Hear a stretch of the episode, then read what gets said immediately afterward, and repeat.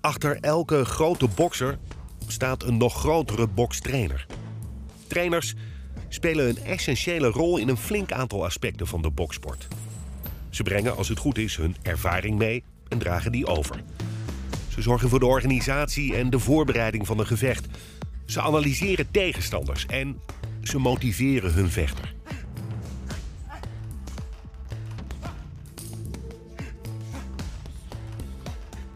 Ze verbeteren eventuele zwakke punten van een bokser en verfijnen de sterke. Ze zijn motivator en klankbord. Ze geven hun vechters soms bijna onmogelijke, onmenselijke opdrachten mee.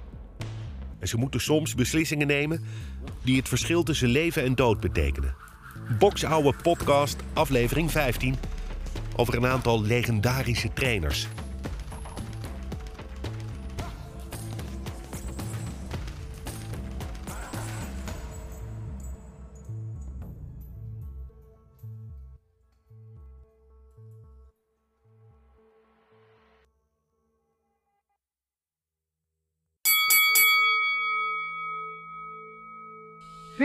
Something which has to be controlled. I always compare it to fire. Fear, like fire, must be controlled. And once it gets out of control, like fire, it can destroy everything around. Not only the individual, but everything around. But once you control fear like fire, you could make it work for you. Without fire, we wouldn't have the civilization we now recognize. The fighter who controls his fear can now function in a manner far over and beyond anything he was capable of before. Castamano was de geestelijk vader van de peekaboo-style. Een stijl die hij zichzelf als amateurbokser had aangeleerd. Peekaboo-style kenmerkt zich door de armen hoog te houden, de ellebogen strak langs het lichaam en de vuisten aan weerszijden van de oren. En van achter die dekking stoten. Het is een stijl die de zoon van Italiaanse immigranten zijn boksers bijbracht.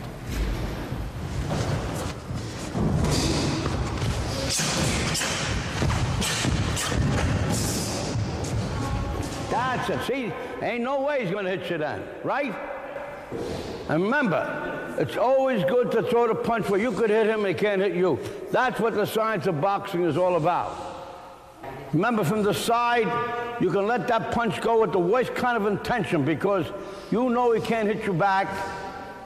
So you can throw the bomb with all the power you can generate. D'Amato groeide op in New York en bokste daar als amateur. Een oogblessure dwong hem om te stoppen en het trainersvak te gaan volgen. Hij zocht op zeker moment een onderkomen waar hij jonge, talentvolle boksers kon opvangen en trainen. Dat vond hij in de Catskills in upstate New York. Daar kocht hij een groot Victoriaans huis en hij trouwde ook maar meteen met de eigenaresse van dat huis, Camille. En daar, in de Catskills, trainde hij kampioenen als Jose Torres en Floyd Patterson en uiteindelijk zijn meest getalenteerde pupil, Mike Tyson. He had a, maybe a dozen fights in the Junior Olympic Championship, and he knocked out every fighter he fought. Tyson not only has a very hard, terrific punch in either hand, but he has developed elusive qualities and has the most important quality, the will to win. He has the desire to win. He wants to be the best. And with a fellow with this type of competitive spirit, plus the knowledge that he has gained and the punching power, I can't see him lose. Came from a bad neighborhood in Brooklyn, and you know, and you know, living in Brooklyn, things happen, and then it goes further and further and beyond. So I won't even talk about that. And eventually, I met a friend that knew Cuss, and that's how this situation happened. I feel I was born to fight because I have no other interest in anything else. Everybody's a fighter in their own right. You're a fighter. I'm a fighter. Everyone that's in this room, even the newspapermen, they're fighters.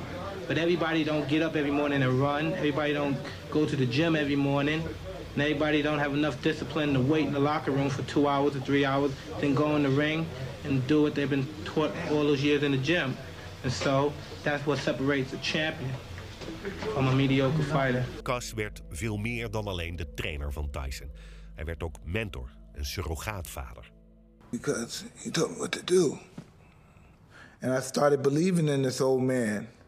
I stopped being a little thief. I used to go back to New York and rob people, and then come back upstate and hide out. Then I stopped doing all that. I changed my whole life. I said, I'm gonna stick to this boxing shit. That's it. There you go. Now you got again, again. Who's the last guy to stop? Touch. Very good. That's right. Castamado maakte het grote succes van Tyson niet mee. Hij overleed vlak voordat Mike Tyson op 20-jarige leeftijd de jongste zwaargewicht wereldkampioen ooit werd. That was a right to the body and an uppercut to the head, and Burbick is down.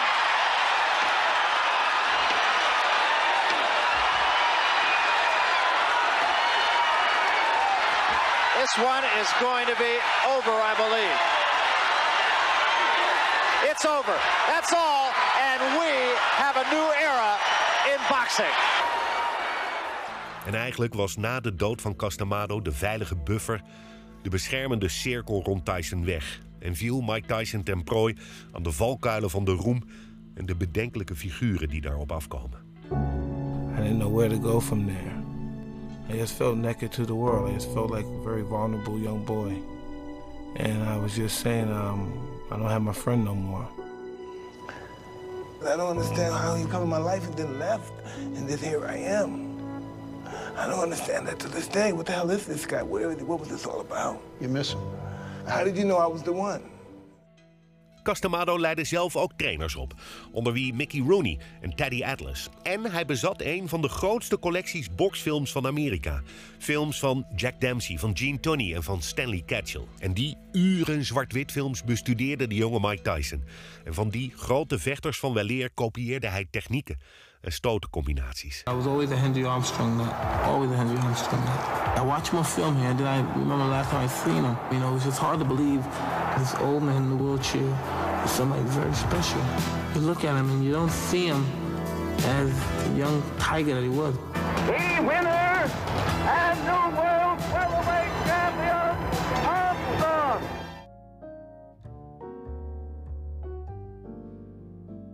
When you get hit, that's when you gotta be calmest. That's when you gotta be calmest. When you get hit. A professional fighter has gotta learn how to hit and not get hit, at the same time be exciting. That's what professional boxing is about. You gotta be clever, you gotta be smart, and not get hit. And when you're able to do this, you're a fighter. Hi, I'm Angelo Dundee. I've been in this profession all my adult life. Hey, I loved every minute of it. Angelo Dundee leverde in zijn lange, indrukwekkende carrière niet minder dan 15 wereldkampioenen af. Onder wie Willy Pastrano, Carmen Basilio en Sugar Ray Leonard. Maar zijn bekendste pupil is uiteraard Muhammad Ali. Angelo Dundee werd geboren als Angelo Mirena in de bokstad Philadelphia. En hij kwam op zeker moment in Miami terecht, waar hij de Fifth Street Gym opende samen met zijn broer Chris. En in die bokschool in Miami wandelde op zeker moment toen nog Cassius Clay binnen. He was the first guy in the gym, last guy to leave. He loved the gymnasium. I, I was so fortunate. Uh, as a kid that loved to train. A lot of them don't like to train. And, uh, and the thing about him was he wanted to be the best at what he was. Er zou een band ontstaan tussen die twee die een heel vechtersleven zou duren. Er waren maar twee gevechten dat Angelo niet in de hoek stond bij Ali. Alle andere was hij erbij. Van de zege op Sonny Liston, de epische gevechten tegen Joe Frazier. In Zaire was hij erbij tegen George Foreman. Ze vlogen de hele wereld over. De kleine Italiaanse gifkikker en the greatest of all time. He's the best man that in boxing today, and uh, Angelo will be with me as long as I'm boxing, I'm sure. Angelo bleef tot het bittere eind. Het demasqué in de Bahama's tegen Trevor Burbick. En tegen Larry Holmes toen Angelo uiteindelijk besloot dat het mooi was geweest. Angelo is telling the referee to stop it. Bundini is arguing with him. Check him out. What do you want to do? The game's over. I'm the chief second. All right. I stopped the fight. All right. He would not. He would not give in, Angelo Dundee. He cared about his fighter too much. The way Eddie Futch cared about Joe Frazier too much in 1975 in Manila to let him come out. It is a sad way to see this great man's career end, but it seemed inevitable. In het post-Muhammad Ali-tijdperk stond Angelo Dundee onder andere in de hoek bij George Foreman. En hij trainde later Sugar Ray Leonard, die hij een mini-versie van Muhammad Ali noemde. En hij speelde ook een cruciale rol in de wedstrijd van Sugar Ray Leonard tegen Thomas Hearns. You got nine minutes. You're blowing it now, son. You're blowing it. Angelo Okay, put the ice back. Keep that there. Keep it there, Ray, baby, right there. Open your mouth wide. Let's go. Ray, you got to fire. You're not firing. You got to be quicker. You got to take it away from him, okay? You get a good look right there at the left eye of Ray Leonard. And you heard everything that Angelo Dundee had to say, and that is the story of this fight right now. You got to fire, he said. You're blowing it, kid. You're blowing it. Angelo Dundee was een oprechte, eerzame man in een vaak corrupte sport. Zijn filosofie over boksen was even simpel als on point. In this game it's real simple. There's always a guy out there that can beat your guy. I don't want a marathon runner. What I want is a fighter. I don't like my fighters do more than three miles. That's enough. As long as your legs get tuned up, because that'll take you everywhere. Three miles is plenty. You can walk it, you can run it, jump it. I don't care, just as long as you do it. I've always tried to be a leader, and uh, I've been able to achieve a, a great deal of my results uh, working that way. And um, I've always found that um, you can't tell a fighter too many things in a corner, he won't remember them. You tell him the things that are most important. And so that doesn't take much time. Een goede bokstrainer weet het beste uit zijn pupil te halen. Een trainer die dat als geen ander kon, was Eddie Fudge. Een meester in het verfijnen van de techniek van zijn boksers en het analyseren van tegenstanders. Opvallend is dat Eddie Fudge twee boksers heeft getraind die Muhammad Ali hebben verslagen. Veel vechters hadden geen antwoord op de vaak onorthodoxe stijl van Ali. Maar Fudge wist zowel Ken Norton als Joe Frazier zo voor te bereiden dat ze allebei Ali in grote problemen brachten en hem zelfs wisten te verslaan. Ken Norton legt uit. For that fight, I mastered Ali and everything. I would watch his chest. Every time he started to jab, it would flex. He knew it was coming. I would catch it with the right hand, and as soon as the jab touched the glove, he'd fire back. Uppercut or jab. Each one that I tried worked. Not all the time, but 80% of the time. Fudge trainde ook kampioenen als Alexis Arguello, Michael Spinks en vooral Joe Frazier. Tijdens de Fight of the Century in 1971, het eerste treffen tussen Muhammad Ali en Joe Frazier, kwam Eddie Fudge met een perfect game plan. We were attempting to lure Ali into throwing the uppercut uh, at Frazier as he had done in the first fight. And um, our strategy then was to have been to step into the left hook as he threw the uppercut.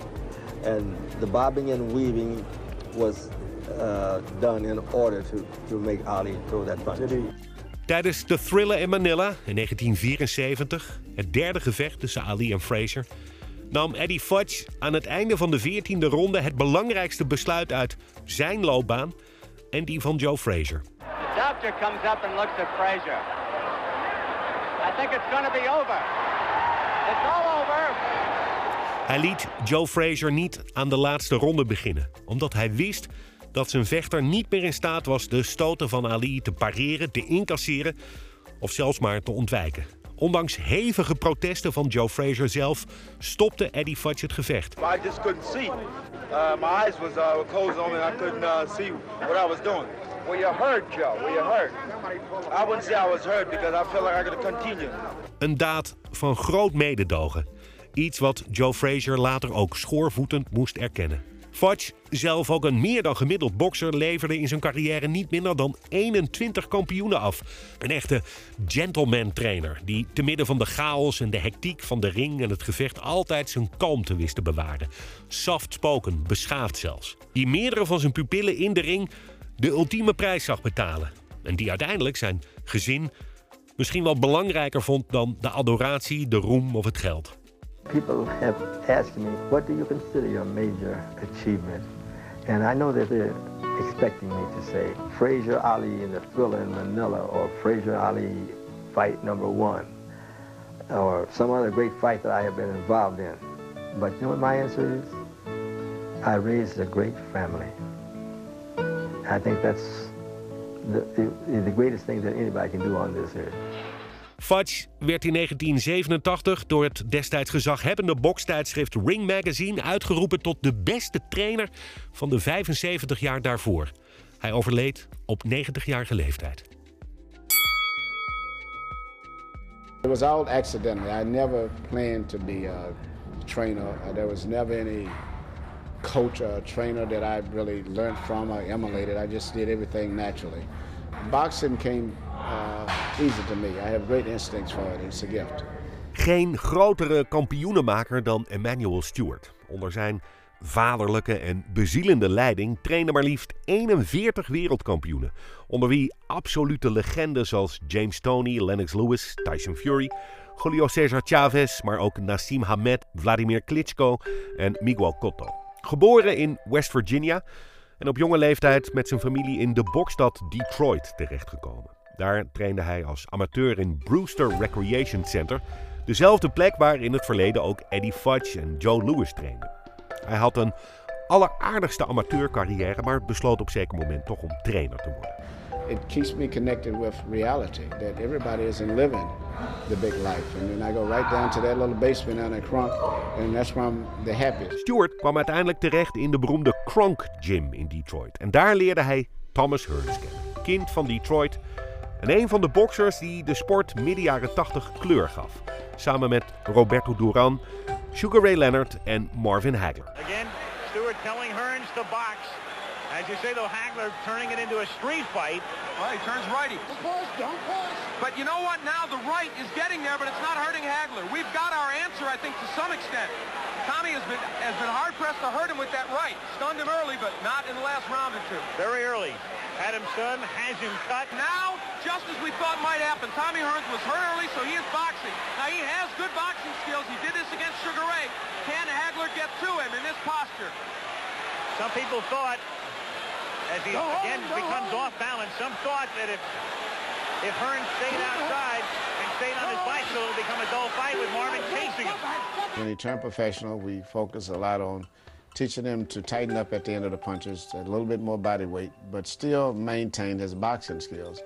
Then he went on to score 17 uh, knockouts, I think, before they won Winter Limit. And when he fought for the World Championship, he made a top world-class champion look like a secondary opponent. Emmanuel Stewart maakte van Thomas de Hitman Hearns een echte hard hitter en bouwde een bijzondere band met hem op.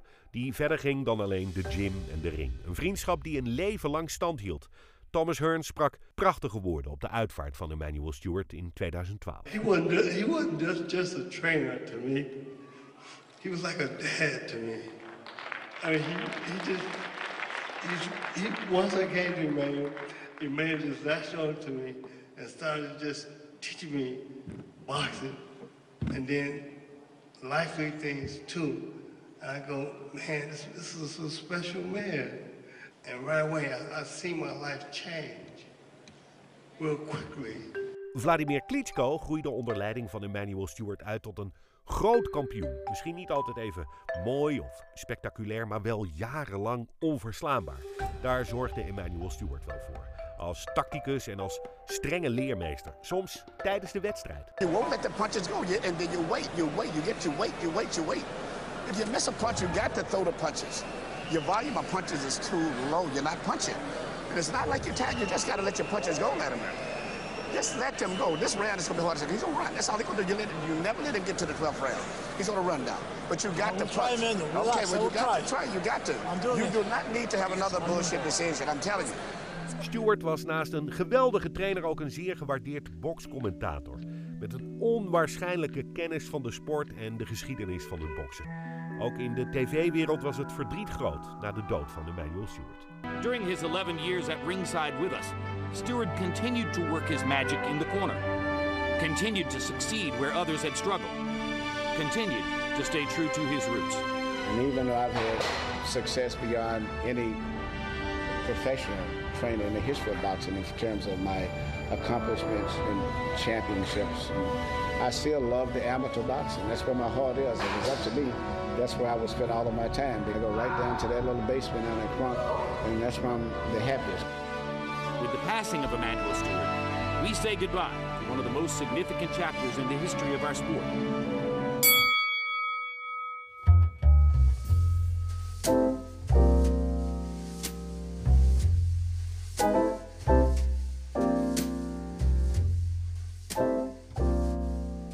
Freddie Roach is met voorsprong de beste trainer van de afgelopen 15 jaar. Hij stond aan de wieg van successen van Manny Pacquiao, maar trainde ook Miguel Cotto, James Toney, daar is hij weer, Julio Cesar Chavez en onze eigen Lucia Rijker. Daarbij putte hij uit de ervaring die hij zelf opdeed als bokser en ook als straatvechter. De jonge Freddie Roach kwam in meer dan 300 straatgevechten terecht. Nadat hij eerst getraind werd door zijn eigen vader, komt hij op zeker moment onder de vleugels van trainer Eddie Fudge. Die maakte van Freddie Roach niet zozeer een technisch begaafde bokser, maar vooral een spectaculaire bokser. Roach, at only 24 years of age, at one time was a super bantamweight uh, top-ranked fighter before moving up into the weight class here in the junior lightweights. But he has just been on the verge of greatness. Hij deelde uit, maar incasseerde ook. En daar betaalt hij op zeker moment de prijs voor. Eddie Futch was my, was my trainer for 10 years. Eddie took me aside one day. I said, in your best interest, I don't want you to fight anyone. I think the best thing for you to do is just to stop competitive boxing. Maar Roach, stront eigenwijs, gaat door en vecht nog vijf wedstrijden waarvan hij er vier verliest. Gedurende zijn hele carrière verdient Freddie Roach nooit meer dan 7500 dollar. We've seen Freddie so many times. The big knock against him is that his defense is not that great and he does tend to get hit a lot. Na zijn bokscarrière werkt hij een tijdje als telemarketeer en bordenruimer in restaurants en hangt hij vooral veel in bars rond. Dan zoekt hij toch weer contact met Eddie Fudge en gaat hij aan de slag als dienstassistent. I wanted nothing to do with it, but then I just found something that I actually did better than fight. And that's training fighters. Freddie Roach traint ook acteur Mickey Rourke als die zijn bokscarrière weer wil oppakken. En Rourke schenkt Freddie Roach boksapparatuur waarmee hij zijn Wildcard Gym in Hollywood opricht. En daar neemt de trainerscarrière van Roach pas echt een enorme vlucht. Hij traint de ene na de andere kampioen. Niet alleen boksers, maar ook MMA-vechters vinden de weg naar Roach. En iedereen die 5 dollar betaalt, kan gewoon trainen in de gym van Roach. En als je een beetje mazzel hebt, zie je Freddie Roach trainen met bijvoorbeeld Manny Pacquiao.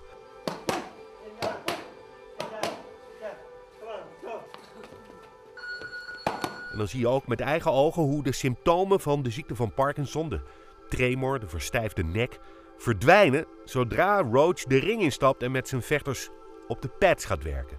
De hand-oogcoördinatie die het boksen vergt, onderdrukken de symptomen van de ziekte van Parkinson. It's more embarrassing than anything. You know, I can't walk too well, but I can box in the gym 40 rounds if I want to. Het boksen bezorgde Freddie Roach deze afschuwelijke aandoening. En tegelijkertijd moet hij de sport blijven beoefenen om enigszins grip te houden op diezelfde aandoening. Het is een dagelijks en duivels dilemma voor Freddie Roach. To bring out the best in somebody is just my goal. That's what I that, that's what I'm here for. Dit lijstje trainers is vanzelfsprekend allerminst compleet. De bokswereld kent nog veel meer bijzondere en invloedrijke trainers. Dit is maar een uh, kleine selectie die ik gemaakt heb op basis van hun invloed op de boksport, hun legendestatus en het aantal kampioenen dat ze hebben voortgebracht. Maar zoals gezegd, het is niet compleet. Ik had hier nog trainers als Ray Arcel, Lou Duva, Buddy McGirt en Teddy Atlas kunnen toevoegen. Misschien wel de grootste motivator uit de boksport. Look, the fire's coming. Are you ready for the fire? We're firemen. Okay. We are firemen. It. The heat doesn't bother us. We live in the heat. We train in the heat. Yeah, let's go. It tells us that we're ready. We're at home. We're where we're supposed to be. Flames don't intimidate us. What do we do? We control the flame. We control them. We move the flame where we want to. And then we extinguish them. De band tussen bokser en trainer gaat veel verder dan alleen de training, het toewerken naar een gevecht, de wedstrijd zelf. Je brengt als bokser vaak meer tijd met je trainer door dan met je eigen familie. Bokser en trainer moeten soms dealen met hele existentiële zaken zoals angst, overgave, opofferingsgezindheid en moed. Vaak wordt ook de vergelijking gemaakt tussen de band die vaders en zonen met elkaar hebben. Trainers fungeren vaak ook als surrogaatvaders. Dat was zeker het geval bij Castamado en Mike Tyson en bij Angelo Dundee en Muhammad Ali. Ze proberen, net als vaders dat doen met hun zoons, hun pupillen te beschermen en ze te onderwijzen. Ze moeten ze soms kort houden en het belang van discipline bijbrengen. Ze moeten ze koesteren, maar ook kwaad op ze kunnen worden. Ze opvoeden En tools meegeven waarmee ze de wedstrijd, die het leven soms ook is, in moeten gaan. Ze willen hun bokser behoeden en beschermen. Maar ze zullen hem, net als een vader dat uiteindelijk doet met zijn zoon, moeten loslaten. Tot zover deze aflevering van Boksouwen. Deze podcast is terug te vinden in de podcast-app op je telefoon, op Spotify en alle andere belangrijke platforms. Je kan je erop abonneren. Een recensie of waardering achterlaten wordt op prijs gesteld. Boksouwen is ook terug te vinden op Facebook en Instagram.